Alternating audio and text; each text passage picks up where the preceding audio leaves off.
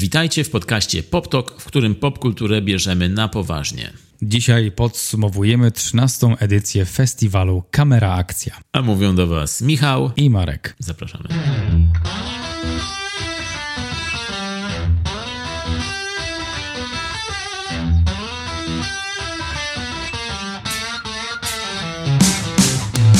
Cisza na planie. Kamera. Akcja. Michał, e, Michał, Michał.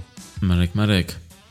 Bo dzisiaj mamy trochę rzeczy, o których chcemy mówić, nie tylko o festiwalu Kamera Akcja, ale w ogóle o festiwalach. I jak najbardziej duża część tego nagrania to będzie festiwal krytyków sztuki filmowej Kamera Akcja. 13 edycja. Tak, ale zacznijmy może od zapowiedzi nadchodzących imprez filmowych, bo zbliża się do nas kilka bardzo fajnych wydarzeń, które myślę, że jeśli ktoś jest fanem kina, no to nie powinien przegapić e, chociaż części z nich. Mm, na pierwszy ogień, ten e, festiwal, który jest najbliżej nas e, czasowo, to najlepszy, największy festiwal kina gatunkowego, kina grozy i nie tylko w Polsce, ale też jeden z lepszych na świecie, bo został wyróżniony przez wiele czasopism branżowych.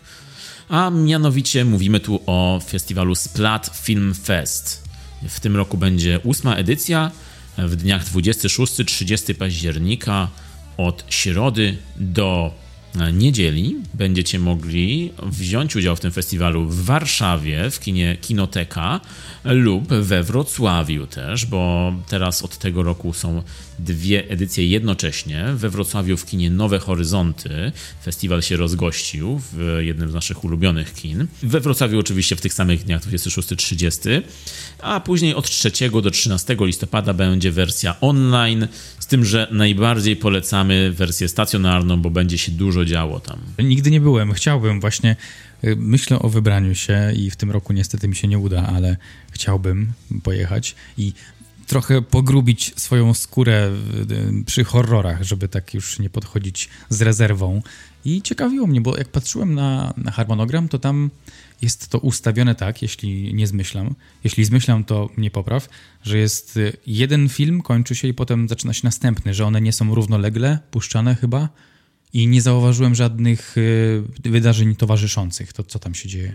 Są filmy jednocześnie puszczane w dwóch salach, czyli masz do wyboru dwa filmy na, na tę samą godzinę albo na podobną godzinę i wybierasz sobie z dwóch. Także kolejny raz będę na tym, na tym, festiwalu i często tak właśnie do tej pory miałem, że nie wiedziałem co wybrać. I tak samo już sprawdzałem program tegoroczny i tak samo jest w tym roku. Tam dzieje się.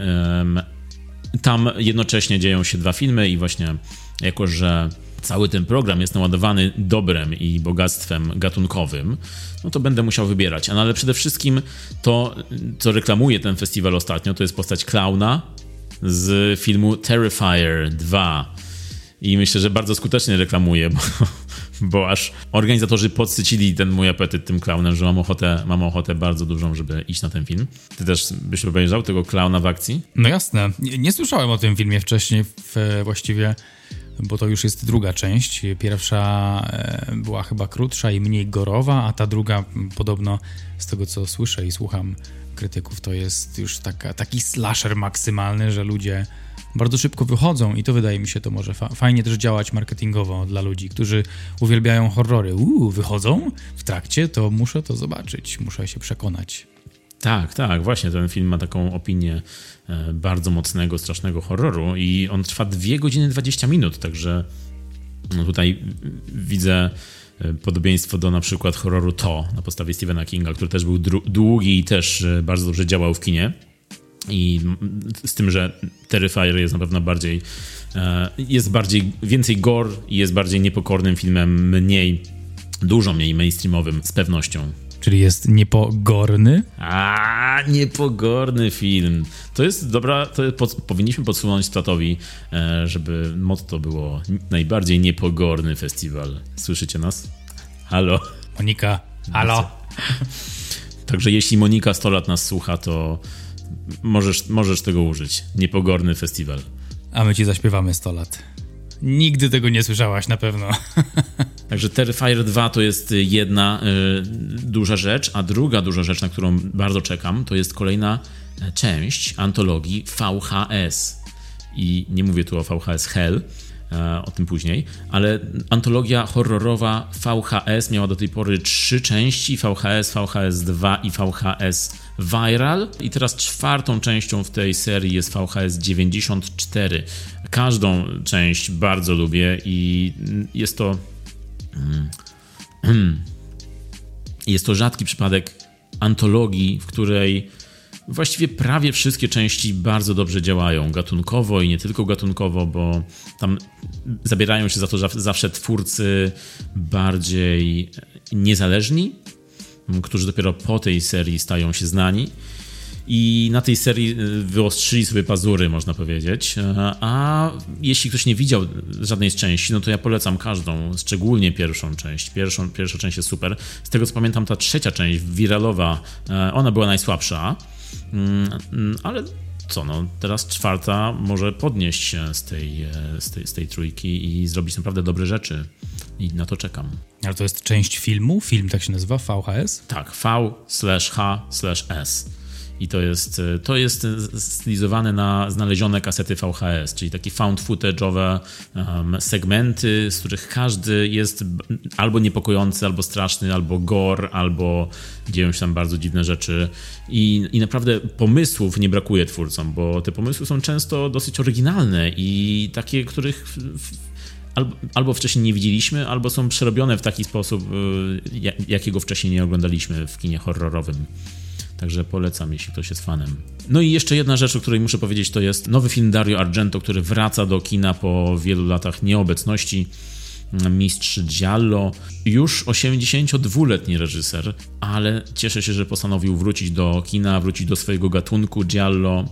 Film co prawda nie zbiera jakichś super recenzji, e, raczej powiedziałbym, że średnie, ale bardzo lubię filmy Argento, nawet te średnie, dobrze się ogląda. Są takie, które są straszne, złe, niedobre i ogląda się bardziej dla beki. Takie też są w jego filmografii, tej późnej filmografii. No, ale czarne okulary wyglądają tak, wyglądają ciekawie. Jak powrót do korzeni. E, także na Argento, na czarne okulary też czekam, żeby zobaczyć na dużym ekranie. A oprócz tego będzie też film, który był puszczany w Cannes, Cięcie, e, film twórcy e, artysty Oscarowego zresztą. Także w programie jest dużo atrakcji, dużo dobrych filmów. Później w części online'owej będzie też przegląd filmów z poprzednich edycji. Także jeśli jesteście fanami, jeśli lubicie gatunek grozy, chcecie się pobać albo zaniepokoić, albo też pośmiać, bo są filmy w cyklu WTF albo w cyklu strasznie śmieszne. To wyjdźcie na polesie. No, także polecamy, zapraszamy. American Film Festival.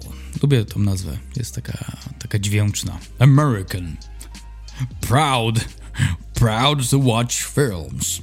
Tak by Joe Biden to powiedział pewnie. American Film Festival to festiwal kina niezależnego, amerykańskiego, niezależnego i czy mówiłem, że amerykańskiego? No to też niezależnego. Niezależnego też, tak. I amerykańskiego jeszcze. W tym roku między 8 a 13 listopada wersja offline, a filmem otwarcia. Filmem otwarcia będzie film z Tymoteuszem e, Chalamet. Chalametem?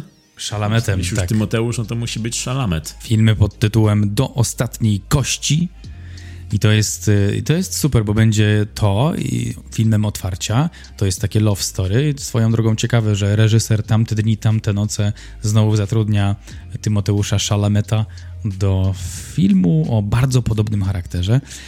I będzie też film Wieloryb w, w, jako trochę tego rąbka tajemnicy uchylili organizatorzy festiwalu, także zapowiada się fantastycznie, a pełen harmonogram będzie do sprawdzenia 27 października, więc już, już chyba tydzień, no nie? Niecały? Nie, cały. Niecały. Niecały. Niecały tydzień. To zależy, bo... kiedy, zależy kiedy tego słuchacie. Niecały. Jeśli słuchacie w 2023 roku, to trochę mniej niż tydzień. Troszkę mniej. No i tam oczywiście będziemy. Michał, będziemy tam? Czy nie wiadomo, bo jeszcze nie ma hostelu? Tak, tak. Hotel nam, hostel nam zlikwidowali. Zamknęli nasz ukochany, ulubiony hostel. Tyle lat w niego inwestowaliśmy. Tak. Kinowy. Promowaliśmy. Promowaliśmy. Hostel, w którym wiszą plakaty filmowe na ścianach i tabliczki ze słowami takimi jak kotownia. Tłumaczenie to kotłownia. Tak. Także no nasz... Albo, nasz... albo magazyn. Albo magazyn, czyli takie miejsce, gdzie to już sami musicie sobie dopowiedzieć. Co jeszcze ważne o American Film Festival, to jest to, że będzie retrospektywa Roberta Altmana, mm, twórcy właśnie czysto amerykańskiego, który o Ameryce w swoich filmach zawsze mówił i pokazywał dużo ładnych amerykańskich widoków po prostu. Ale będzie też retrospektywa Niny Menkes. Jest to twórczyni, reżyserka, bardzo mało znana w Polsce. Także fajne jest to w tym festiwalu, że przybliża nam sylwetki i twórczość e, artystów, których nigdzie indziej nie moglibyśmy zobaczyć. Nina Menkes będzie również gościnią festiwalu i poprowadzi e, masterclass. Ale będzie też e, na przykład sekcja filmów o Gen Z, filmy o pokoleniu Gen Z, czyli o naszych najmłodszych, ukochanych, no, naszej kochanej młodzieży. Robi się gorąco, a nawet jeszcze nie doszliśmy do y, głównej części tego nagrania, która jest całkiem gorąca. Jest tak gorąca, że po prostu bez zero, zero improwizacyjnych soków tutaj kreatywności. Czyli po prostu później dogramy. Jest tej gorąca jak? Tutaj zostaw miejsce. tak, pauza. Do, dogramy i wetniemy później to. Dokładnie, dokładnie tak. To jest, y, to jest najlepsze rozwiązanie. No ale bo po AFF-ie są też inne. Jest życie.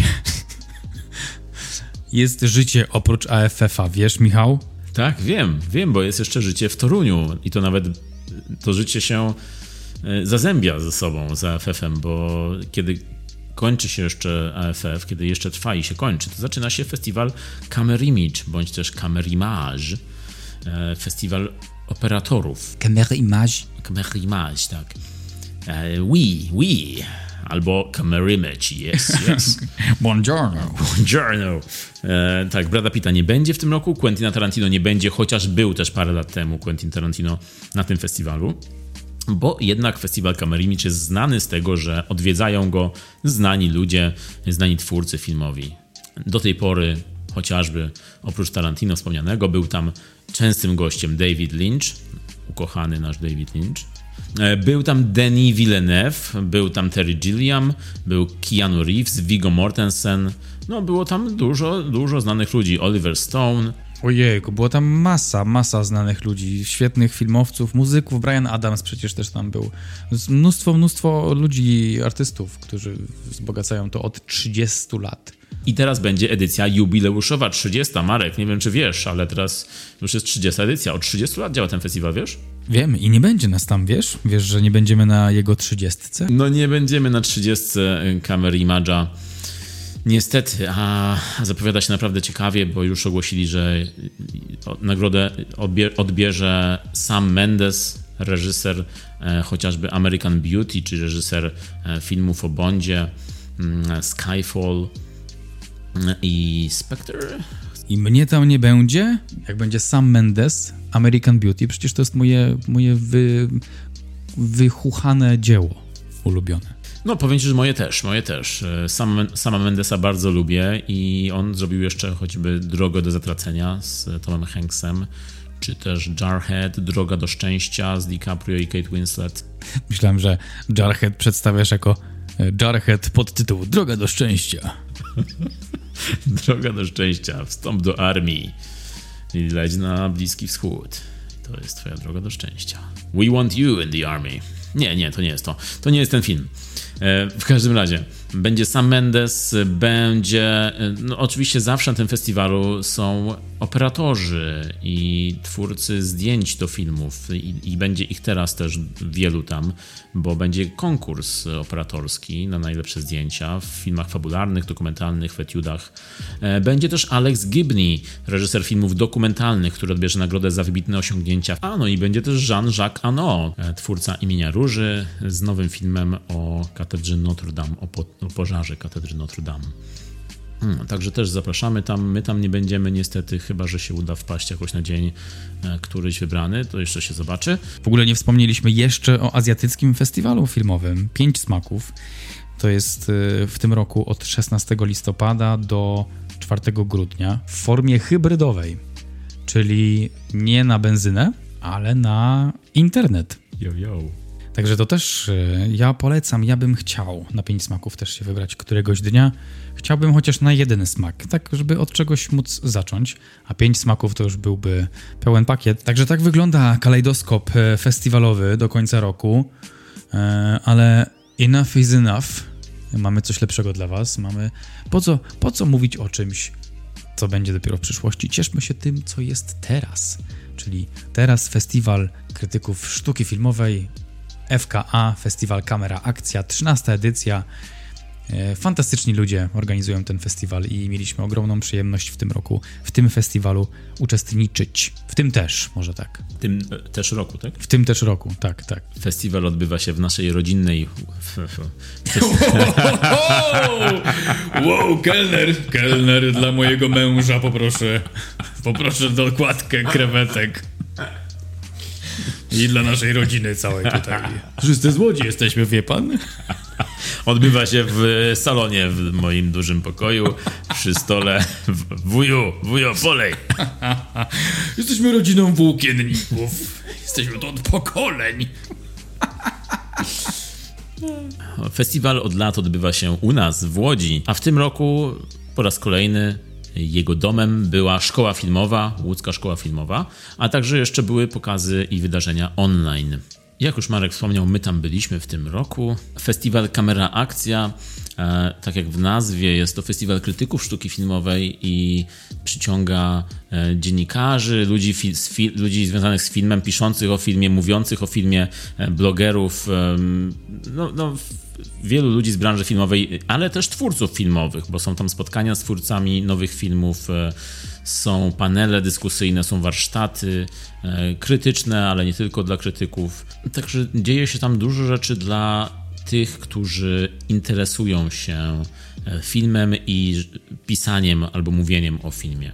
Dla przykładu, w zeszłym roku były warsztaty z analizy filmu. To były takie e, warsztaty w formie zajęć z Arturem Wyżykowskim, to jest autor e, bloga pod tytułem Nieskończone teksty. Jak chcecie, to zajrzyjcie na jego stronę internetową.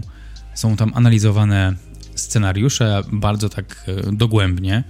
To było jedno z wydarzeń. E, widzieliśmy w zeszłym roku na przykład film Titan Julie Ducournau. I właśnie spotkanie z Arturem Wyżykowskim dotyczyło filmu Titan, który bardzo ciekawie opowiadał o, o filmie. I zresztą my też nagraliśmy odcinek o Titan, więc jeśli byście chcieli posłuchać, co mamy do powiedzenia, to zapraszamy do jednego z poprzednich odcinków. A festiwal Kamera Akcja, właśnie tak jak powiedziałeś, on ma też funkcję edukacyjną, bo on edukuje na tematy związane z interpretacją, interpretacją obrazu, ale też na tematy związane z działaniem rynku filmowego. Czy to w tym roku był na przykład marketing filmowy, czy też e, trendy w treściach e, filmowych. No, jest tam dużo wartości edukacyjnej w tym festiwalu. Tak, oczywiście i oprócz tego jeszcze były warsztaty storytellingu, na przykład warsztaty z ekipą z filmu webu o, o prowadzeniu podcastu. E, ich podcast nazywa się Mam parę uwag i przyszli podzielić się doświadczeniem swoim, odpowiedzieć na pytania, powiedzieć jak, jak wygląda prowadzenie podcastu od strony takiej merytorycznej. Także było to bardzo ciekawe spotkania, zresztą zawsze są, bo ta wartość edukacyjna wybrzmiewa, jest yy, obecna na każdym kroku. Idąc tam można poczuć pączuć, pączuć i bułczyć, jagodzienić. Idąc tam można poczuć taką swojską kiełbasę z lecza. Nie. Kiedy. Marek jest w pobliżu. Chciałem powiedzieć, że taką atmosferę, taką, taką przyjemną, taką rodzinną przez to, że no, pewnie dlatego, że z mojej perspektywy jestem z miasta Łodzi, więc jest to bardzo lokalne wydarzenie. Poza tym, jako młody człowiek, często szkołę filmową odwiedzałem. E, zawsze ten kompleks cały szkolny był mi, był obecny w moim życiu, więc cieszę się, że to miejsce jest wykorzystywane do prowadzenia tego typu inicjatywy. No i te osoby, które organizują e, festiwal są, są mi znane, więc to też to wydarzenie ogólnie jest mi e, bardzo bliskie. Organizacja na najwyższym poziomie rzeczywiście i trzeba tutaj też oddać honor organizatorom, że Festiwal Kamera Akcja odbywa się już w tym roku po raz 13. Szczęśliwy, myślę, niepechowy wcale, bo był to moment, kiedy mogliśmy wrócić na festiwal w pełni w wersji stacjonarnej, e, czyli w wersji online dzieje się, ale więcej dzieje się jednak stacjonarnie już na szczęście. No i jest to jedyny obecnie festiwal w mieście filmowym Łódź takim, takie miasto filmowe, które miało jednak wiele festiwali, ale wszystkie te festiwale oprócz tego jednego zniknęły. ale kamera akcja na szczęście jest z nami i mamy nadzieję, że będzie z nami jeszcze długo. Było dużo zdjęć, dużo śmieszków, pyszna kawusia i krem z brokułów chyba? Brokułowy krem jadłeś? Czy Jadłem krem z kalafiora, z kalafiora ale to było już na festiwalu. Na festiwalu, no właśnie. Krem z kalafiora z parmezanem, bardzo dobry był. Festiwal to zawsze dużo wydarzeń, takich jak warsztaty, panele, swoją drogą panele dyskusyjne, bardzo ciekawe w tym roku. No, co roku są ciekawe, ale w tym roku naprawdę wyjątkowo był taki zestaw udany. E, ka z każdego można było dużo wynieść, były bardzo inspirujące, no i e, goście byli świetni, prowadzenie Kaja Klimek też świetne. Um, Trzeba też powiedzieć, że QA były, były też ciekawe z twórcami, choćby po filmie Silent Twins z Agnieszką Smoczyńską, czy też po filmie Tata.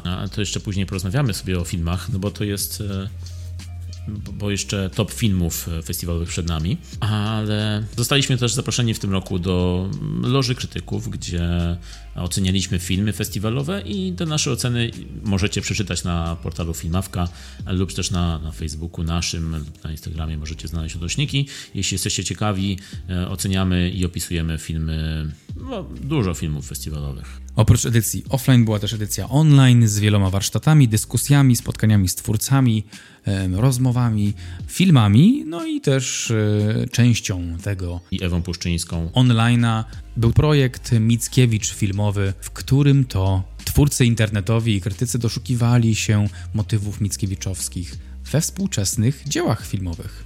Tak, zapraszamy Was właśnie do obejrzenia do i słuchania wszystkich materiałów z tego projektu Mickiewicz Filmowy. Jednym z nich jest też nasze nagranie o serialu Krakowskie Potwory.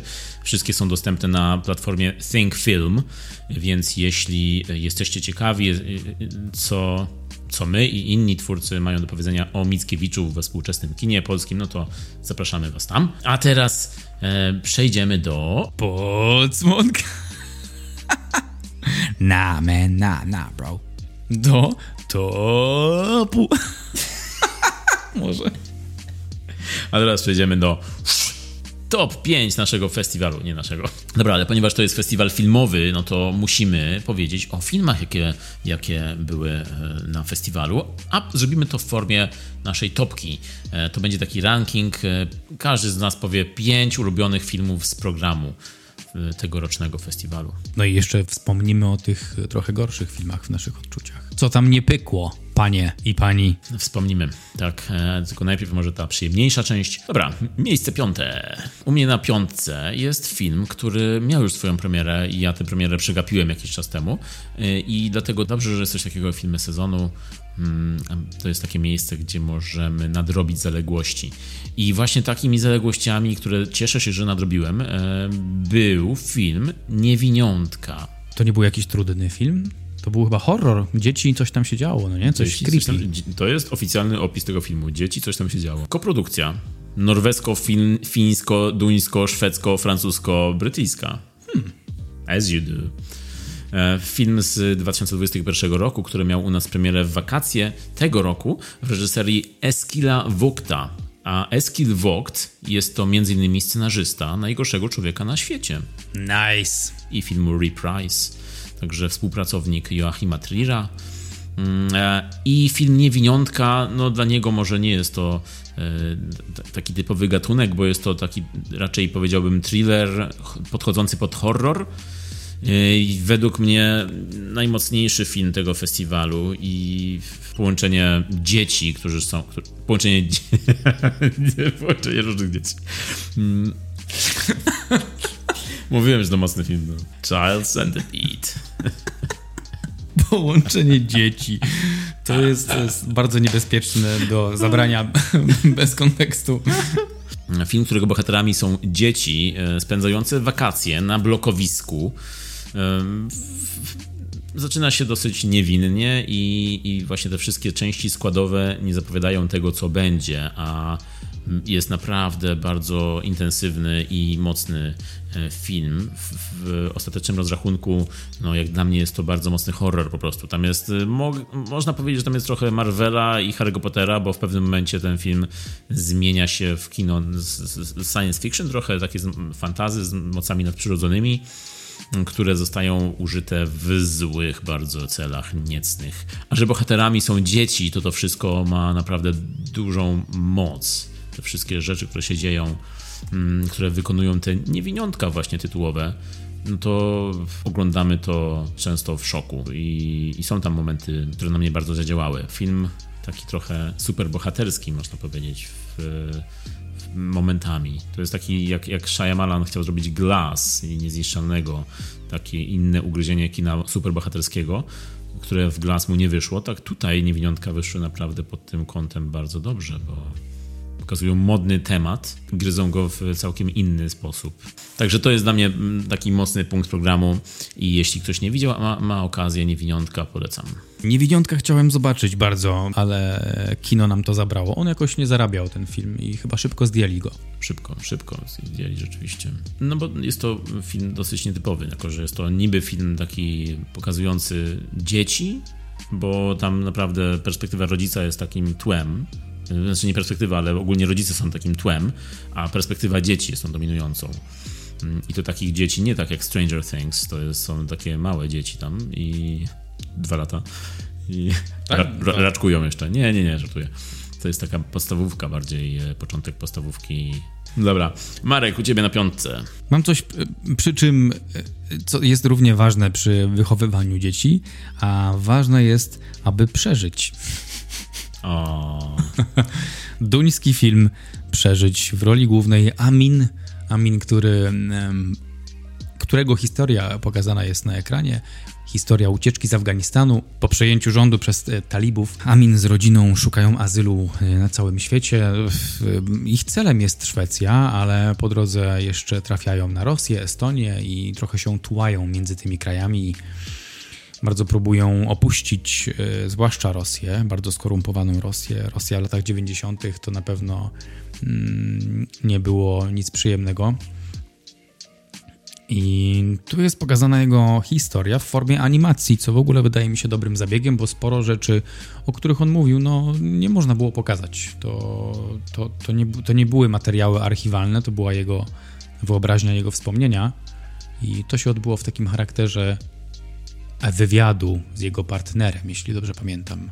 Amin sobie leżał i opowiadał o tym, co się działo w jego przeszłości, swoją ścieżkę opowiadał. I e, to, był, to był e, przyjemny film, mimo że był trudny, to, to chwytał e, za ser, serducho. Chwytało to wszystko za serducho. I ta historia nie, nie, nie kazała mu współczuć za bardzo. To było, to było przyjemne oglądanie tego. Nie było to jakoś super romantyzowane, y, a ta animacja bardzo pomagała w wybrzmieniu głównego motywu, czyli tego, że e, sukces w jego przypadku to nie coś, czym ma się chwalić, tylko coś, e, za co powinien być wdzięczny wielu swoim bliskim osobom. Także Mambo Number 5.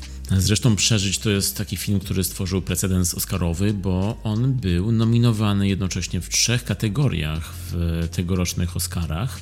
Jako najlepszy długometrażowy film animowany, najlepszy pełnometrażowy film dokumentalny i jeszcze pełnometrażowy film międzynarodowy. Bra! Także miał trzy animacje bardzo ważne, które się bardzo rzadko, e, bardzo rzadko idą razem. Mm, e, niestety nie, nie dostał Oscara. Mnie ten film się też podobał e, mm, i on jest też do obejrzenia na streamingu, gdybyście byli ciekawi. Tak samo Niewiniątka, e, te dwa filmy, które o których powiedzieliśmy, one są już do obejrzenia na streamingach. Miejsce czwarte u mnie na liście to film o bardzo ładnym tytule Piękny poranek. O, właśnie, o nim zapomniałem, no. To też mógłby być na czwartym miejscu u mnie. Ale nie jest, także nie sorry jest. Marek, sorry nie. Marek. Nie jest. You had your chance. Yeah, I know. Piękny poranek. E, film w reżyserii Mi Hansen-Löw, która zrobiła wcześniej na przykład Wyspę Bergmana, która była na festiwalu rok temu. Really? Yeah. Mia Hansen-Löw um, zrobiła... Teraz to ma sens, jak się dowiedziałem, że robiła też Bergmana Wyspę, bo podobne tempo miały te filmy. Francuski film z Leon Seydoux w roli głównej. No, co ja to mogę powiedzieć o tym filmie? To jest taka, taka życiówka. Kino, które jest blisko życia mm, i stara się nam pokazać mm, jakąś życiową prawdę, często niełatwą prawdę, Mm, tutaj jest to taki autentyczny obraz e, choroby Alzheimera i tego, jak ta choroba e, może dotykać bliskich e, osoby chorej. No, ale nie jest to tak straszne, jak słychać, bo przy tym ten wątek choroby, on, ten film obudowuje takim love story, czyli jest tam kino o romansie głównej bohaterki, Lei Seydoux, z, z, z żonatym mężczyzną. Mm, ta ich historia miłosna jest powiedziana subtelnie, bardzo ładnie i też trochę dramatycznie, bo mają, mają taką sinusoidę związkową, ale w, w, ciekawe jest to, że ten związek, ta miłość, mimo że niełatwa, też przynosi w jakiś sposób oczyszczenie e, w tej jakby drugiej sferze życia bohaterki. Mm, bardzo ciekawy film, bardzo ładny, powolny trochę, nie, nie dzieje się w nim dużo, ale jest tak jak ten tytuł właśnie, taki piękny poranek rozwijający się, który może się rozwinąć w ładne popołudnie. Wow, Michael. Dziękuję. No a pośród tego jest właśnie bohaterka Lee Seydoux, która bardzo dobrą rolę stworzyła i stworzyła pełną życia postać. Pełna życia postać w tym filmie to taki sporo dodajesz temu. Znaczy, to oczywiście było tam życie, życie jest raczej nudne, nie, nie jest to nie jest to Vin Diesel i Szybcy i Wściekli. No rzeczywiście to nie był Vin Diesel i Szybcy i Wściekli. E, co momentami sobie zastanawiam, tak sobie myślałem, kurczę, przydałby się tu Vin Diesel w tym filmie. Hmm, to jedyna rzecz. You know what this needs? Family. tak, tak. Jest, dużo było tu rodziny, jeszcze gdyby tam był Vin Diesel, to już w ogóle była rodzina w komplecie. E, ale tak, może rzeczywiście nie jest to bohaterka, nie tyle bohaterka pełna życia, bo ten film jest raczej taki spokojny, powolny, ale pełna emocji może bardziej powiedział. To jest dużo emocji tam się rysuje. Tak, to zdecydowanie jest tam bogaty pakiet emocjonalny i dużo się dzieje tam w, w świecie relacji między ludźmi, między dorosłymi ludźmi. E, są pokazane, pokazane różne formy miłości, miłość pokoleniowa, miłość taka romantyczna, e, miłość do bliźniego nawet, także, także pod tym kątem ten film wygrywa. Na pewno jest lepszy niż Wyspa Bergmana, to na pewno. E, ale pamiętam, że w tym akurat konkretnie festiwalowym dniu ten film nie wpadł w moje tory przyjemności. Po prostu to było bardzo wolne tempo ogólnie całego dnia. Natomiast zgadzam się z tą oceną. To prawda, był taki dzień, sobota na festiwalu była dla nas pewnie taka, bo wybraliśmy sobie taki przebieg filmowy, że był to bardzo ciężki pod koniec dzień, bo było tam dużo, e, dużo, dużo emocji po prostu w tych filmach. Miejsce czwarte, Marek Szczepański. Ijo, ijo, nie jak te syreny, ale jak ten osiołek. Każdy właściwie na świecie. Ijo, czemu na czwartym miejscu? Ponieważ yy, był ładny estetycznie i bardzo mi się podobała muzyka. I wizualnie był świetny i podobało mi się to, że był pokazany z perspektywy osiołka, który, który nie ma za bardzo który nie za bardzo ocenia to, co się dzieje, ale jesteśmy takimi obserwatorami i same te wydarzenia, jak się dzieją, sprawiają, że nasz kompas moralny wariuje e, i to w tą dobrą stronę i w tą, tą złą stronę. E, więc, więc to było ciekawe oglądać ten film, który był zrobiony w bardzo ładny sposób, wizualnie i audialnie. o na miejscu, na miejscu czwartym z Kolimowskiego film. E, swoją drogą ten, e, to, to ujęcie, które jest również na plakatach, jak stoi na jakimś moście ten osiołek i ta woda wylatuje z tamy. W kinie robiło to ogromne wrażenie z tym całym dźwiękiem. To nadawało takiej mocy tej wodzie. I to dawało takiej monumentalności to wszystko, te wszystkie elementy kina. Mhm. To był film zamknięcia festiwalu w ogóle i jest to film, który jest naszym kandydatem w, w, wyścigu Oscarowym. Myślę, że Skolimowski jednak tutaj nie ma szansy na Oscara, mm, ale rzeczywiście w tym filmie drzemie bardzo duża siła obrazu i mnie się też ten film podobał zwłaszcza przez głównego bohatera, bo ten osiołek grany chyba przez osiem różnych osiołków no, on, on, po prostu świetnie się go oglądało. Jako, I były takie naprawdę poruszające, smutne momenty, i były też takie bardziej wesołe momenty. Fajnie to było ugryzione mm, jako taki film przyrodniczy, ale wpadający w kino różnych gatunków. Czyli tam był trochę ten osiołek, jakby przeżywał przygody trochę. Trochę takie IO osiołek z klasą. Tak, tak, zgadza się. Zgadza się. Mm. No i muzyka, o której powiedziałeś, rzeczywiście też, też, też weszła mi w głowę ta muzyka, bo bardzo był przekrój taki muzyczny w nim, od takiej klasycznej, operowej muzyki przez jakąś elektroniczną, ambientową, po takie sceny, które naprawdę były jakimiś bad tripami e, osiołka. Także Jerzy Skolimowski, tak, Jerzy Skolimowski jest artystą wartym zawsze e, poświęcenia czasu. Myślę, że nie będzie tutaj Oscara jednak, ale, ale film został chociażby doceniony w Cannes. Okej, okay, dobra, no to przechodząc do miejsca kolejnego, miejsce trzecie, u mnie na liście, w ogóle ta lista oprócz niewiniątek, które były, które zamykały listę, no to pozostałe tytuły na liście to dla mnie jest takie kino emocji, kino uczuć, kino familijne nawet trochę bym powiedział, bo właśnie takie jest trzecie miejsce. Na trzecim miejscu jest polski film, e, nowy polski film, który jest dla mnie zaskoczeniem na takim pozytywnym festiwalu. Film Tata w reżyserii Anny Maliszewskiej z główną rolą Eryka Lubosa. E, film, który będzie miał dopiero swoją premierę w kinach.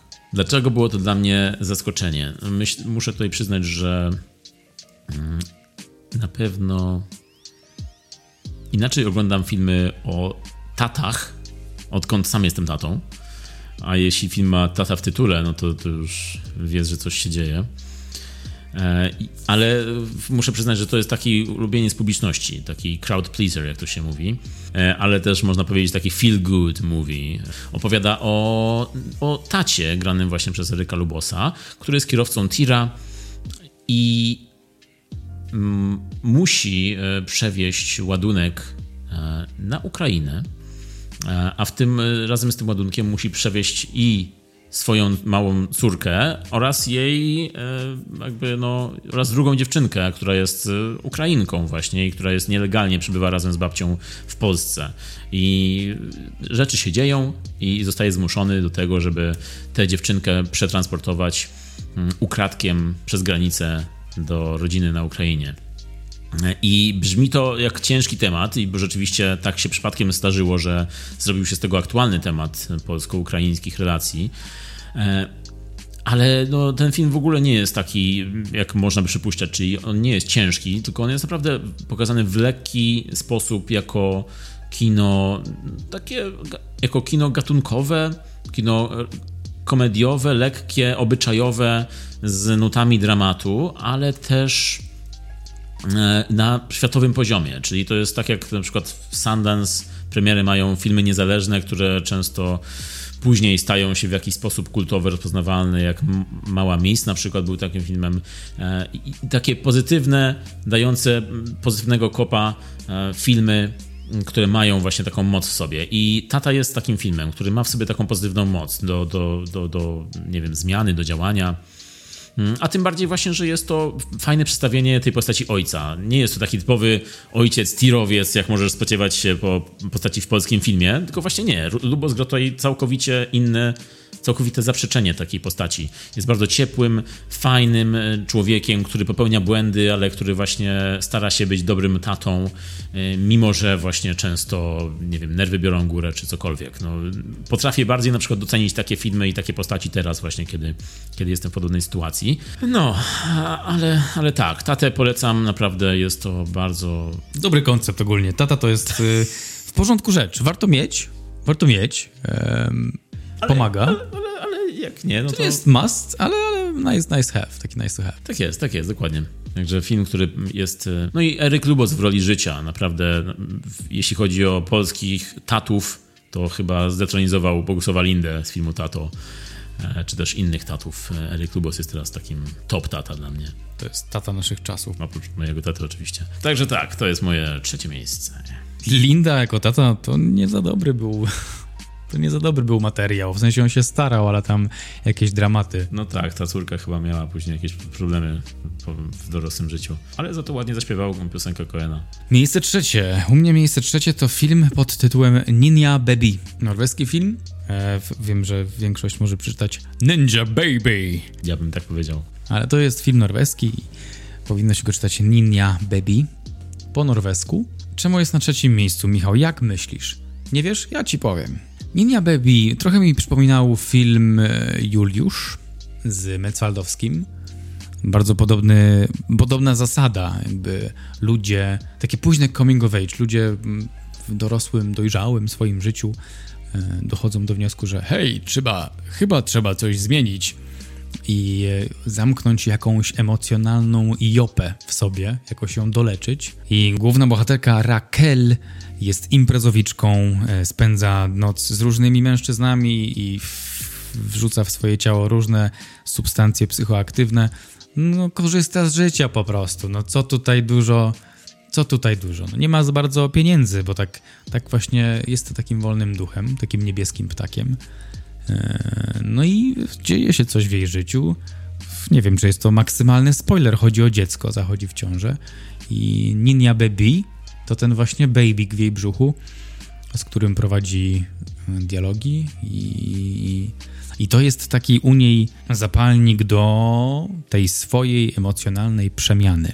I to wychodzi wszystko bardzo lekko, mimo że temat dosyć taki trudny, no to, to oczywiście twórcy pokazują ten trud związany z podjęciem poważnych decyzji co do swojego życia, ale pokazują też taką lekkość i taką komedię sytuacyjną e, jej, jej e, tego, jak ona sobie to wyobraża, e, w, też w relacji do osób, które ją otaczają w tej sytuacji. Także taki, to był taki przyjemny, przyjemna, przyjemny seans, bardzo przyjemny seans. Było trochę łezki, trochę, trochę e, śmiechu, trochę ciepła. E, nie jest to taka typowa hollywoodzka narracja, że wszystko się pięknie kończy. Jest tam, wkracza po prostu życie do tego scenariusza, wydaje mi się, bardziej takie życiowe sytuacje i e, dużo szarej strefy tam się pojawia, co też, co też jest oznaką nudnego życia, nud, nudnych ludzkich wyborów które są przedstawione w zabawny sposób. Tak, ładny film, dobry, lekki, przyjemny i z morałem. To był film dostępny online. I on też jest do obejrzenia gdzieś na streamingach, więc jeśli jesteście ciekawi tym, co Marek opisał, no to nic nie stoi na przeszkodzie, żeby go dzisiaj na przykład obejrzeć. Mnie w sensie, tak? Żeby mnie obejrzeć? Tak, mm, zapraszam na Bałuty. Możemy się spotkać przy manufakturze. Ja tam będę stał i można mnie oglądać. No i fajnie, bo ta główna aktorka Christine Kujat Thorpe nie wiem, czy dobrze czytam jej nazwisko. Ale jest bardzo fajną, charyzmatyczną osobą i taką, taką gra rolę, że chce się obok niej być, mimo że jest skomplikowana. To chce się obok niej być i się ją poznawać i śmiać się z nią i spędzać czas i toczyć beczkę. Drugie miejsce. Drugie miejsce u mnie na drugim miejscu i tutaj muszę znowu nadmienić, że te miejsca są wymienne u mnie.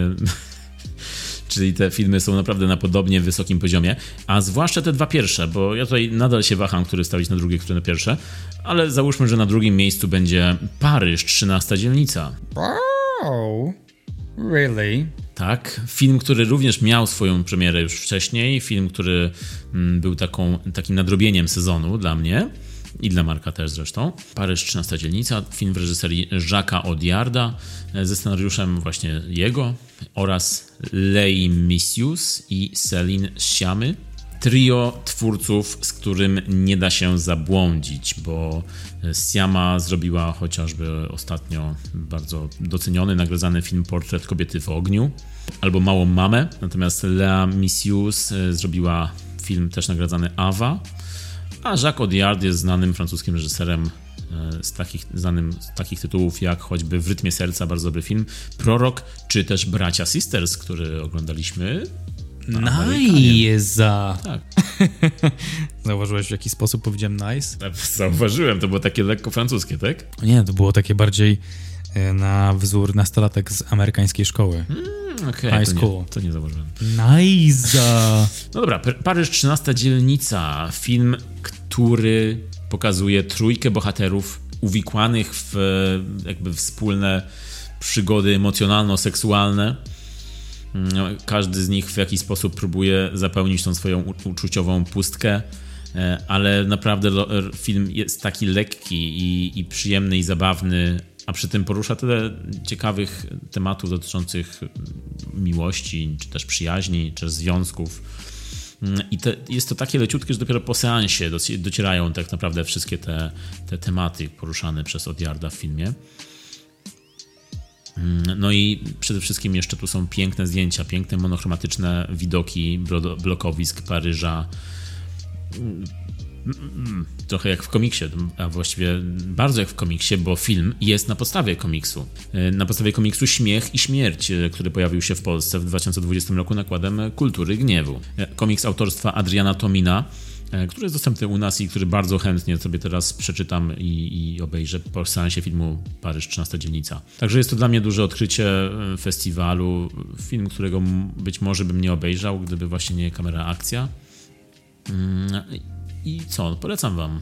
Bardzo wam polecam. Też jest dostępny na streamingu. Marek, jak u ciebie na drugim?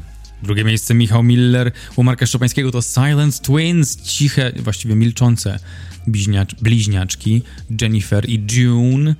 E, ich historia jest prawdziwa. E, historia Agnieszki Smoczyńskiej jeszcze prawdziwsza.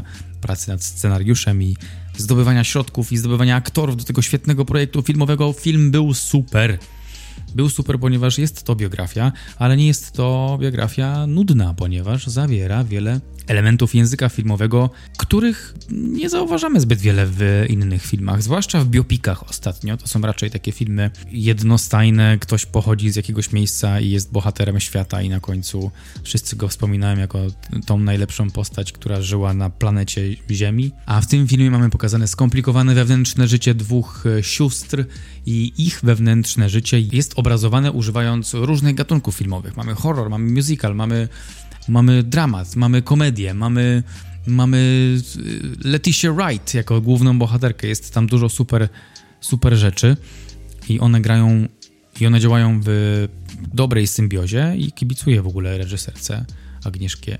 Agnieszkie. Agnieszkie Smoczyńska. Ja Agnieszkie Smoczyńska to ja kibicuję. I tyle mam do powiedzenia. Pozdrawiam serdecznie. Mike Drop. Mike fucking Drop. Teraz y, przed nami pierwsze miejsca, ale zanim pierwsze miejsca, to postanowiliśmy wspomnieć o naszych kilku wzmiankach honorowych, które też się mogłyby znaleźć na tej liście równie dobrze. I właśnie w moich honorowych wzmiankach jest Silent Twins, które w moim topie nie ma, ale było bardzo blisko, bo Silent Twins naprawdę dobry film, który możecie już oglądać w kinach mm, u nas w Polsce premierowo. Mm, no i tak jak Marek powiedział, naprawdę biopik, który działa na innych poziomach niż zazwyczaj biopiki działają. Jest bardzo ekspresjonistyczny, eklektyczny i wizualnie mocarny. No i Smoczyńska, nasz człowiek na zachodzie, trzymam za nią kciuki, ona nas świetnie reprezentuje i córki dancingu, i, i Fuga, czy teraz właśnie Silent Twins. No to jest lepszej reprezentacji e, polskiego kina na świecie nie moglibyśmy sobie wymarzyć. Mamy Lewandowskiego, w sporcie, mamy Smoczyńską w filmie. Honorowe wzmianki u mnie też są, Michale. Wyobraź sobie. Jest to, mam dwie. Ile masz? Dobra, kolejną bardzo dużą wzmianką honorową, która zasługuje na osobną kategorię specjalną i jest w ogóle poza konkursem. Jest tegoroczny pokaz cyklu VHS Hell. Tak jest. Mamy. Mamen. To jest, y, no to jest pokaz, który co roku dostarcza, ale wydaje mi się, że w tym roku dostarczył na pełnej. I w tym roku oglądaliśmy film Zwolnienie warunkowe, bądź też Zwolnieni warunkowo. Mm, I jest to film z 94 roku z, w reżyserii Patryka G. Donahue. G jest ważne. G jest ważne z kropką. I mm, film puszczany z kasety z taśmy VHS z lektorem na żywo, jak to zawsze bywa w tego typu pokazach. Przed filmem mieliśmy cudowną sposobność obejrzeć reklamy z lat 90., też z VHS-u, bądź różne dziwne rzeczy z telewizji. To był fajny powrót do przeszłości, mm, taki throwback, e, blisko dwugodzinny, który dostarczył tak dużo fanu i cała sala śmiała się tak mocno jak nigdy na festiwalu Kamera Akcja chyba. No na pewno nie w sobotę, gdzie były od rana do, do nocy były naprawdę raczej łzy niż śmiech, to w piątek wieczorem śmiech wypełnił tę salę kinową. Bardzo oryginalny film, w którym zawierał w sobie tyle akcji, jak na przykład, nie wiem, nawet filmy Marvela nie zawierają w sobie tyle akcji. Z tym, że tam ta akcja była naprawdę pięknie.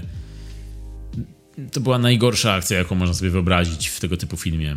Na, na wzmiankę zasługuje też muzyka z zepsutego syntezatora, która towarzyszyła każdej akcji kopanej i strzelanej. Świetny był ten film. Ta akcja była świetna. Oczywiście mówię tutaj z e, takim przekąsem, ale, no, ale to było super doświadczenie oglądać to z innymi, którzy czaili bazę I, I, wow, wow, więcej takich seansów. VHS e, Hell jest u mnie też we wzmiance ho honorowej.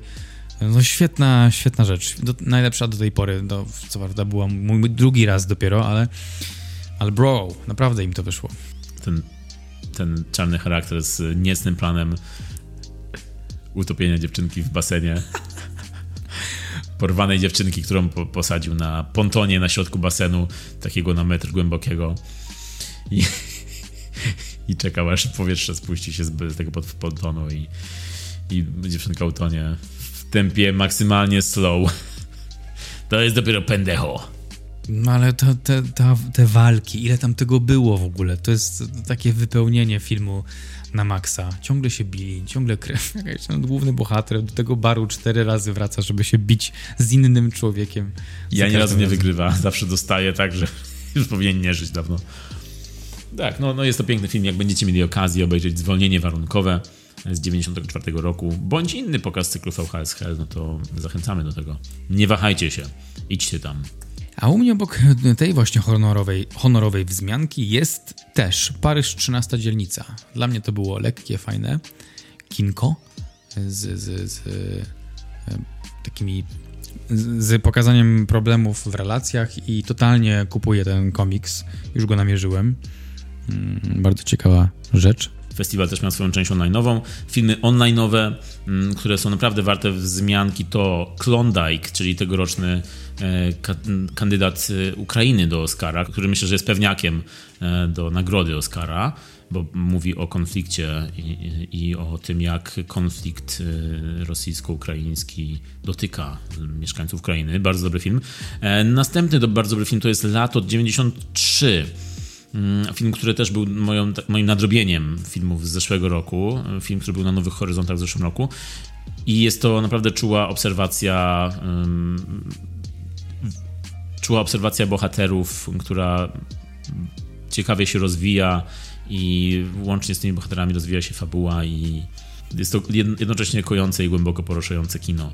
E, oraz jeszcze jeden film, o którym już mówiłem przy okazji zestawienia e, American Film Festival zeszłorocznego i teraz też był w programie online'owym. Jest to film Violet, film, który naprawdę polecam, zasługuje na uwagę mm, który może przeszedł bez echa, tym bardziej nie miał premiery kinowej u nas, ale jest na streamingu i jest to film motywujący do wielkiej zmiany w, w, w życiach osób, które mogą potrzebować takiej zmiany.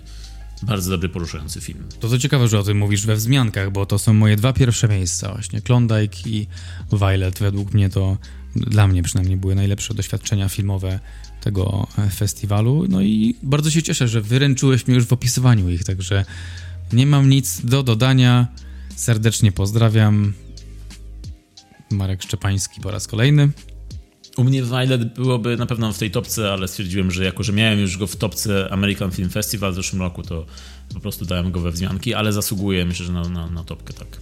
Klondike bardzo mnie uderzył. To był mocny film. Mocny, ale minimalistyczny, bo ta forma była taka minimalistyczna. Kamera poruszała się, robiła takie, takie 360 wokół bohaterów, pokazując mapę tego, gdzie jesteśmy. E, I wokół tej kamery działa się akcja, czasem, czasem bardzo trudna, często bardzo trudna. E, niby takie, to było sielskie życie, ale pokazywało, jak ten konflikt się rozpoczął fizycznie, no bo to był ten 2014 rok. Ja pamiętam, że wtedy my jeszcze, Michał, my wtedy jeszcze pracowaliśmy w tej samej firmie i nie wiem, czy pamiętasz, ale tego dnia e, na wszystkich komputerach e, leciała relacja na żywo w, sieci, co tam się właściwie dzieje, co z tymi separatystami, o co chodzi w ogóle z tą Ukrainą i z tą Rosją.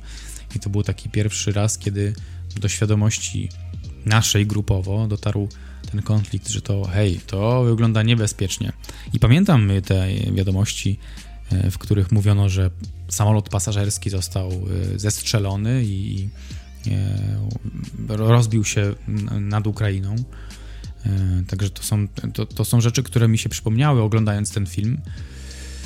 No a aktorzy świetnie odgrywają też e, tą, tą tragedię, te, te traumy, jedna po drugiej zresztą. E, w przerażający sposób adaptują się do tych warunków i jakby nie, i, i prowadzą swoje ży życie mimo poważnych strat, prowadzą swoje życie wokół tego. No to był taki cichy film. Cichy film minimalistyczny, ale muzyka też podbiła efekt. Playlistę sobie zapisałem, także no oglądając ten film z jednej strony myślę, super film, z drugiej strony myślę, chciałbym, żeby to był tylko film i nie idźmy dalej z tym. To jest fajny scenariusz, ale, ale dobrze, że się nie dzieje w rzeczywistości, tak bym chciał myśleć, no ale niestety nie. A Violet to, to kolejne takie jakieś coming of age, tak w pewien sposób późne. W ogóle filmy z dorastającymi ludźmi, dorosłymi dorastającymi ludźmi, dojrzewającymi, są ciekawe. Bo te bo oni dojrzewają w różne, na różne sposoby. Jak oglądamy y, coming of age filmy o młodych ludziach wchodzących w dorosłość, no to mniej więcej te etapy kojarzymy, że tam szkoła się kończy, decyzja, co zrobić z przyszłością, jaki zawód, jaka praca, e, jakie związki. To są, to są wyzwania każdego młodego y, człowieka. Wykształcenie, e, a w przypadku dorosłych ludzi, którzy chcą dojrzewać, oni mają różne obszary, które są niedoleczone lub e, zaniedbywane przez jakiś okres czasu, i w tych filmach możemy zobaczyć pewną różnorodność w ich podróży. I Violet takim właśnie filmem jest. Ona, ta główna bohaterka, grana przez Olivia Moon, zmaga się ze swoim krytykiem wewnętrznym, z tym głosem, który E, no jak nie trudno się domyślić, pochodzi z jej dzieciństwa i z tych komunikatów, które otrzymywała i wiernie zapisywała do podświadomości mm, przez lata, no i potem w dorosłym życiu te emocje muszą jakoś wyjść. One wychodzą na powierzchnię, w codziennych sytuacjach ona sobie nie radzi i w końcu się konfrontuje z tym swoim niedoleczonym obszarem na szczęście. I to właśnie ten film pokazuje, więc yy, ja polecam ten film. Violet polecam każdemu. Hmm, cieszę się, że właśnie była okazja, żeby zobaczyć ten film. Pamiętam jak po seansie na AFF-ie mówiłem ci o tym filmie Violet i i tak uderzył mnie wtedy mocno i też stwierdziłem, że to jest taki terapeutyczny film, terapeutyczny seans, który, który naprawdę wiele osób powinno e, odbyć jako taki jakby zamiennik może terapii, czy, czy nawet e, rozpoznanie swoich własnych uczuć albo potrzeby zmiany w swoim życiu. Bardzo ważny film właśnie, dlatego mówię, że on powinien być w topkach, ja go nie umieściłem dlatego, że już był w mojej topce, mm, ale zasługuje na, na, na wzmianki zawsze. Pamiętam, jak wyszedłeś po tym seansie taki podekscytowany, ja wtedy obejrzałem jakiś zupełnie inny film o, o, gorszej energii i ty wyszedłeś taki odświeżony, taki nowy, wow, ale widziałem super film, polecam ci, musisz obejrzeć ten film, bardzo ci się spodoba ten film, super film, obejrzałem film, Violet nazywał się ten film, będzie ekstra film. I wtedy zemdlałem. I wtedy cię zniosłem po schodach. Po całym dniu oglądania filmów. Dobra, moje miejsce pierwsze, moje miejsce pierwsze jeszcze i kończymy, zwijamy to, ten interes. Moje miejsce pierwsze to film Blisko Close w reżyserii Lucasa Donta. Lucas Don't. Lucas Don't. Lucas Do and Lucas Don't. Tak. I to jest dobre nazwisko, bo miałem ochotę powiedzieć Lucas Don't Do That Again. Don't Make Me Cry. Jak, to jest film, który złamał serce chyba połowie sali. Trzecia część filmu to wszędzie wokół tylko strzałem, chusteczki były w ruchu i leciało z nosa niektórym. Bardzo emocjonalny, naprawdę łamiący serce film. E, opowiadający o, o dzieciach, o dzieciach i relacji między dziećmi i dorosłymi, i to w taki sposób bardzo czuły, bardzo wrażliwy. Porusza temat przyjaźni między dwoma chłopcami, którzy idą pierwszy raz do liceum, e, na pierwszej, do pierwszej klasy liceum a między nimi jest wyjątkowa więź, którą nie wszyscy rozumieją i oni zaczynają się tej więzi wstydzić. I to, co się później dzieje, to jest po prostu wow, bomba emocjonalna, e, którą myślę, że każdy odczuje, jak, jak będzie oglądał. E, no i są tam też szokująco dojrzałe i świetne role tych dwóch dzieciaków. Oczywiście starsi też bardzo dobrze grają, ale to jak, jak ten główny bohater, który jest praktycznie przez cały film z nami i drugi młody, młody bohater, no jak oni pokazują te relacje i te niuanse emocjonalne, to zrobiło na mnie ogromne wrażenie. A reżyser Lucas Daunt y, jest młodym reżyserem, 31-letnim i nazywany jest już drugim Zawierem Dolanem, czyli takim, takim młodym duchem kina. Reżyser z Belgii, który ma na koncie jeszcze jeden film z 2018 roku, film Girl, też bardzo doceniany, nagradzany film. Disco nie miało jeszcze premiery, ma dopiero zaplanowaną na początek 2023 roku. Na pewno będziemy jeszcze o nim mówić w tym podcaście i wam polecać. To tyle ode mnie. Tak, no niestety luty 2023, także jeszcze poczekam. To streszczenie brzmi przerażająco. To co, to, co grupy społeczne i presja społeczna może zrobić z czymś unigatowym to jest, jest to przerażające, więc y, no jestem ciekaw tego filmu, ale nie wiem, czy tak chętnie pójdę do kina. No nie jest to łatwy seans, ale też nie jest taki epatujący na przykład, nie wiem, smutkiem, cierpieniem, tylko bardziej jest taki mm, szczery w, tym, w tych swoich emocjach. No ale tutaj mówiliśmy o filmach dobrych, które nas poruszyły. Czy masz może jakieś rozczarowanie tego festiwalu filmowe? Miałem rozczarowania, ojejku, miałem. No ta sobota, ta sobota mnie zastrzeliła. E, I muszę, muszę powiedzieć o dwóch e, filmach. Powiem o dwóch, bo reszta była znośna. W tych, w tych takich powolnych, reszta była znośna. Michał Miller. Ale te dwa, I was like, bra, kill me now. E, no i pierwszym filmem, i nie jestem pewien jak to się czyta, to jest duński film, wydaje mi się, że Should, o Blood, ale to jest duński. Wiem, że po norwesku bym przeczytał siöd, dlatego, że mięso ogólnie to jest siöt. Powiedz to po polsku. Cod and blood. Także siöd o blood albo kud o blood. Po prostu cod and blood, no. No chodzi o to, że to jest mięso i krew. Tutaj no, trzeba zaznaczyć, wszyscy. że chodzi o te dwa słowa, chociaż y, polski tytuł jest y, zgoła odmienny, to ten film to jest thriller i on pokazywał sytuację dziewczynki, która straciła mamę i trafiła do rodziny zastępczej, która jest jej rodziną. To jest ciocia i jej dzieci. Więc ona tam trafia i ten thriller jest to thriller, widać, że sporo rzeczy dzieje się pod powierzchnią, jest to taka trochę domena E, chyba tego nordyckiego kina, że nie za wiele widzimy. Na pewno nie jest to hiszpański temperament, tylko tam sporo się dzieje e, pod, pod maską. Maską mówienia, że wszystko jest tak, jak być powinno. To było tak wolne, że zbyt wolne. Ten thriller był, był fajny może w dwóch momentach filmu.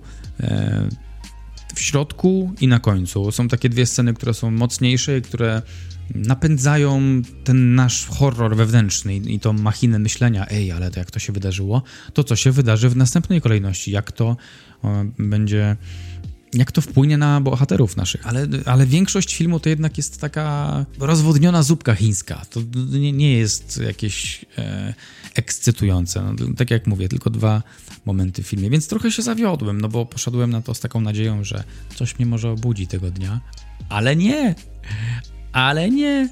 Znaczy, to trochę mnie obudziło na koniec, na koniec, na sam koniec, ale poważnie. Większość filmu to jest. To jest bardzo, może tak, to jest bardzo subtelny thriller, który nie trafiał w, w moje szkiełko. Czy coś jeszcze nie trafiło w twoje szkiełko? Tak, tak. Jest jeszcze drugi film z tego samego dnia pod tytułem Już ty wiesz. tak, był taki film, tak. Tytuł Alcaraz, Carles Simon, e, reżyserki filmu Lato 1993. W ogóle nie. W ogóle miałem rozmowę na ten temat już z jednym człowiekiem i uważam, że miał rację. E, a właściwie, z, właściwie to kilka osób to powiedziało, że gdyby to był jeden, jedyny film tego dnia, bez żadnego przed, bez żadnego po, jakbym się wyspał, był szczęśliwy i po kawce, to ten film pewnie odebrałbym inaczej, no bo to była taka, taka sielskość. Ten film sobie płynął, e, on pokazywał po prostu codzienność ludzi, rodziny mm, ich, i relacji między nimi w obliczu wielkiego problemu, w obliczu wielkiej zmiany nadchodzącej w ich życiach i straty wielu materialnych rzeczy i wielu takich też rodzinnych, rytualnych rzeczy. I czaję to z tej perspektywy, ale bardziej na poziomie rozumu, na poziomie emocji. Ja w ogóle nie miałem połączenia z tym filmem, bo to, to, był, to był po prostu nudny film w tamtej sytuacji. No ja muszę powiedzieć, że miałem podobnie, bo Alcaraz y, jest dla mnie rozczarowaniem, bo byłem trochę nakręcony na to. To jest film, który zdobył dużo nagród, dużo dużych nagród Złotego Niedźwiedzia. Film, który jest dobrze oceniany. Mm, I być może właśnie jest to kwestia oglądania festiwalowego, czyli pomiędzy innymi filmami. Mm, no, no i tutaj była po prostu agroturystyka na ekranie. Dwie godziny, w których nie działo się za dużo właśnie pod względem emocji, tak jak już powiedziałeś. Tutaj wiemy od początku do końca o co chodzi i rzeczywiście jest to też w jakiś sposób ważny temat, ale też nie kliknęło między, między mną a tym filmem. Ostatnie ujęcia zrobiły wrażenie na mnie, ale to co było wcześniej to było za dużo slow, za mało cinema i no i na przykład w porównaniu z latem 93, które do mnie trafiło i uderzyło mnie i tam poczułem jak się rozwija ta historia, jak dedukujemy co tu się dzieje, no to tutaj właśnie za mało było tej dedukcji, za mało te, tego oddziaływania na emocje, więcej ładnych obrazków. Także no być może właśnie jest to, jest to kwestia innych warunków przyrody. I kolejne rozczarowanie dla mnie to jest film Kiedyś byliśmy dzieciakami film dokumentalny. Y, jest to fascynująca historia z zakulis fascynującego filmu, bo ten dokument opowiada o tytułowych dzieciakach z filmu Dzieciaki Larry'ego Clarka i byłem nakręcony na ten film, bo bardzo lubię dzieciaki i bardzo lubię te klimaty. E, te, te czasy 90 tą kulturę e, skate'ową. E, kulturę ulicy, można tu powiedzieć. I ten dokument e, po prostu pokazywał jedną stronę tej, tej całej sytuacji. On starał się pokazać e, kontrowersje wokół tego filmu, wokół osoby Larry'ego Clarka i wokół wykorzystania tych dzieciaków, ale no, ciężko było oprzeć się wrażeniu, że jest to bardzo jednostronne i bardzo też laurkowe w kierunku tych dzieciaków, zwłaszcza niektórych z nich, tych, którzy już odeszli niestety. No i też odczuwało się bardzo brak samych twórców filmu Dzieciaki, czyli Larego Clarka czy Harmonego Corina, no, którzy niestety odmówili udziału, to akurat jest wina już po ich stronie leży, no ale, ale niestety ta historia, ten film, historia jest ciekawa, ale ten film ukazywał to w bardzo tendencyjny sposób. Także tutaj było rozczarowanie. No i rozczarowałem się też filmem mm, Zupełnie Normalna Rodzina. Film duński, który jak dla mnie mm, niósł ze sobą zbyt mało emocji i być może właśnie jest to, jest to kwestia tego duńskiego charakteru, ale, mm, ale nie odczułem w ogóle tej historii i, i też ze mną nie kliknęła to. Te. Pamiętam, jak wspomniałeś o tym filmie, że tam mało się działo i, i i trochę chyba chciało ci się spać na tym filmie. No nie, nie do końca, znaczy w sensie no, były takie momenty, ale nie, nie zasnąłem na tym filmie w ogóle, bo czekałem aż, aż coś się zmieni w tych postaciach. Chodziło bardziej mi o to, że te postacie były dosyć jednowymiarowe i ten temat był ugryziony bardzo też jednowymiarowo. Temat ojca, który zmienia płeć i temat jak to oddziałuje na rodzinę.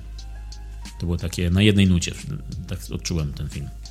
No bo tutaj e, e, ten charakter duński znowu się pojawił i w tym filmie mi akurat odpowiadało to. W tym thrillerze kompletnie nie, tam coś nie. Nie, nie, nie. Ale tutaj ten, e, tutaj ta tutaj to przeżywanie pod powierzchnią miało swoje miejsce, bo ta dziewczynka, ta, ta Emma, córeczka, widać było jak to przeżywa i według mnie była genialna ta, ta mini aktorka w to, w jaki sposób pokazywała, to w jaki sposób widać było, że nie odpowiada jej sytuacja. Nie to, że tata zmienia płeć, tylko że ta sytuacja bardzo na nią wpływa i nie będzie miała tych wszystkich rzeczy, które miała do tej pory. Więc jej sposób grania był bardzo subtelny. Widzieliśmy, że coś jej nie pasuje. Po, pojawiały się wypieki na jej twarzy, gdy, gdy, gdy była jakaś trudna sytuacja. E, wszystkie te rzeczy, których nie komunikowała jako hej, to są złe rzeczy dla mnie i nie chcę, żeby one się działy, widać było na jej twarzy. I w, w tym filmie akurat znalazłem taką... E, ta subtelność działała, ta, ta, ten minimalizm emocji. Ojciec faktycznie był tak potraktowany jednostronnie, tam on miał tą swoją podróż, y, zmiany płci, no ale na ten film patrzyliśmy też z perspektywy tej dziewczynki jednak mocno, więc on, on w moim odczuciu mógł być taki, e, taki sam sobie w swojej podróży egoistyczny, jakiś taki e, odłączony od tej rzeczywistości filmowej, no bo jednak, jednak ta perspektywa Emmy była dla nas e, najważniejsza, jej obserwacje tego świata. Rozumiem, rozumiem to właśnie. Tak na zimno jestem w stanie to zrozumieć. Tyle, że do emocji, tak jak już nie trafiło, ale rozumiem to. A co jeszcze, czego jeszcze mi brakowało na przykład na, tym, na tej edycji festiwalu, to spotkania pana Łukasza Maciejewskiego, z, który zawsze w bardzo ciekawy sposób rozmawiał z jakimś aktorem lub aktorką, która jest teraz e, znana na topie. E, wcześniej był to choćby, nie wiem, Bartłomiej Topa, czy inni aktorzy. E, Maciejewski zawsze ciekawie mm, nawiązywał z nimi dialog i potrafił wydobyć z nich taką ludzką część aktora bądź aktorki. I trochę żałowałem, że nie było tego spotkania, bo to była taka część integralna festiwalu, ale hej, być może za rok e, wrócimy do tego, a na pewno wrócimy na festiwal Kamera Akcja, e, do czego też Was zachęcamy, żebyście odwiedzili ten festiwal, odwiedzili Łódź, a jak tu będziecie, no to dajcie nam znać, przybijemy piątkę i porozmawiamy o filmach. Bardzo Wam dziękujemy. W ogóle dziękujemy za taką okazję, że byliśmy w Loży Krytyków, mogliśmy być częścią tego większego wydarzenia, jakim był festiwal Kamera Akcja. Super wyszło i też się dopisuje, subskrybuje tę myśl, którą, o której powiedziałeś, że w przyszłym roku też zapraszamy i mamy nadzieję, że do zobaczenia. Dziękujemy, że jesteście z nami i nas słuchacie. To nas motywuje do dalszych działań i jesteśmy w kontakcie. Trzymajcie się ciepło. Mówili do Was Michał i Marek. Do zobaczenia, usłyszenia w następnym. Cześć. I po ptokach.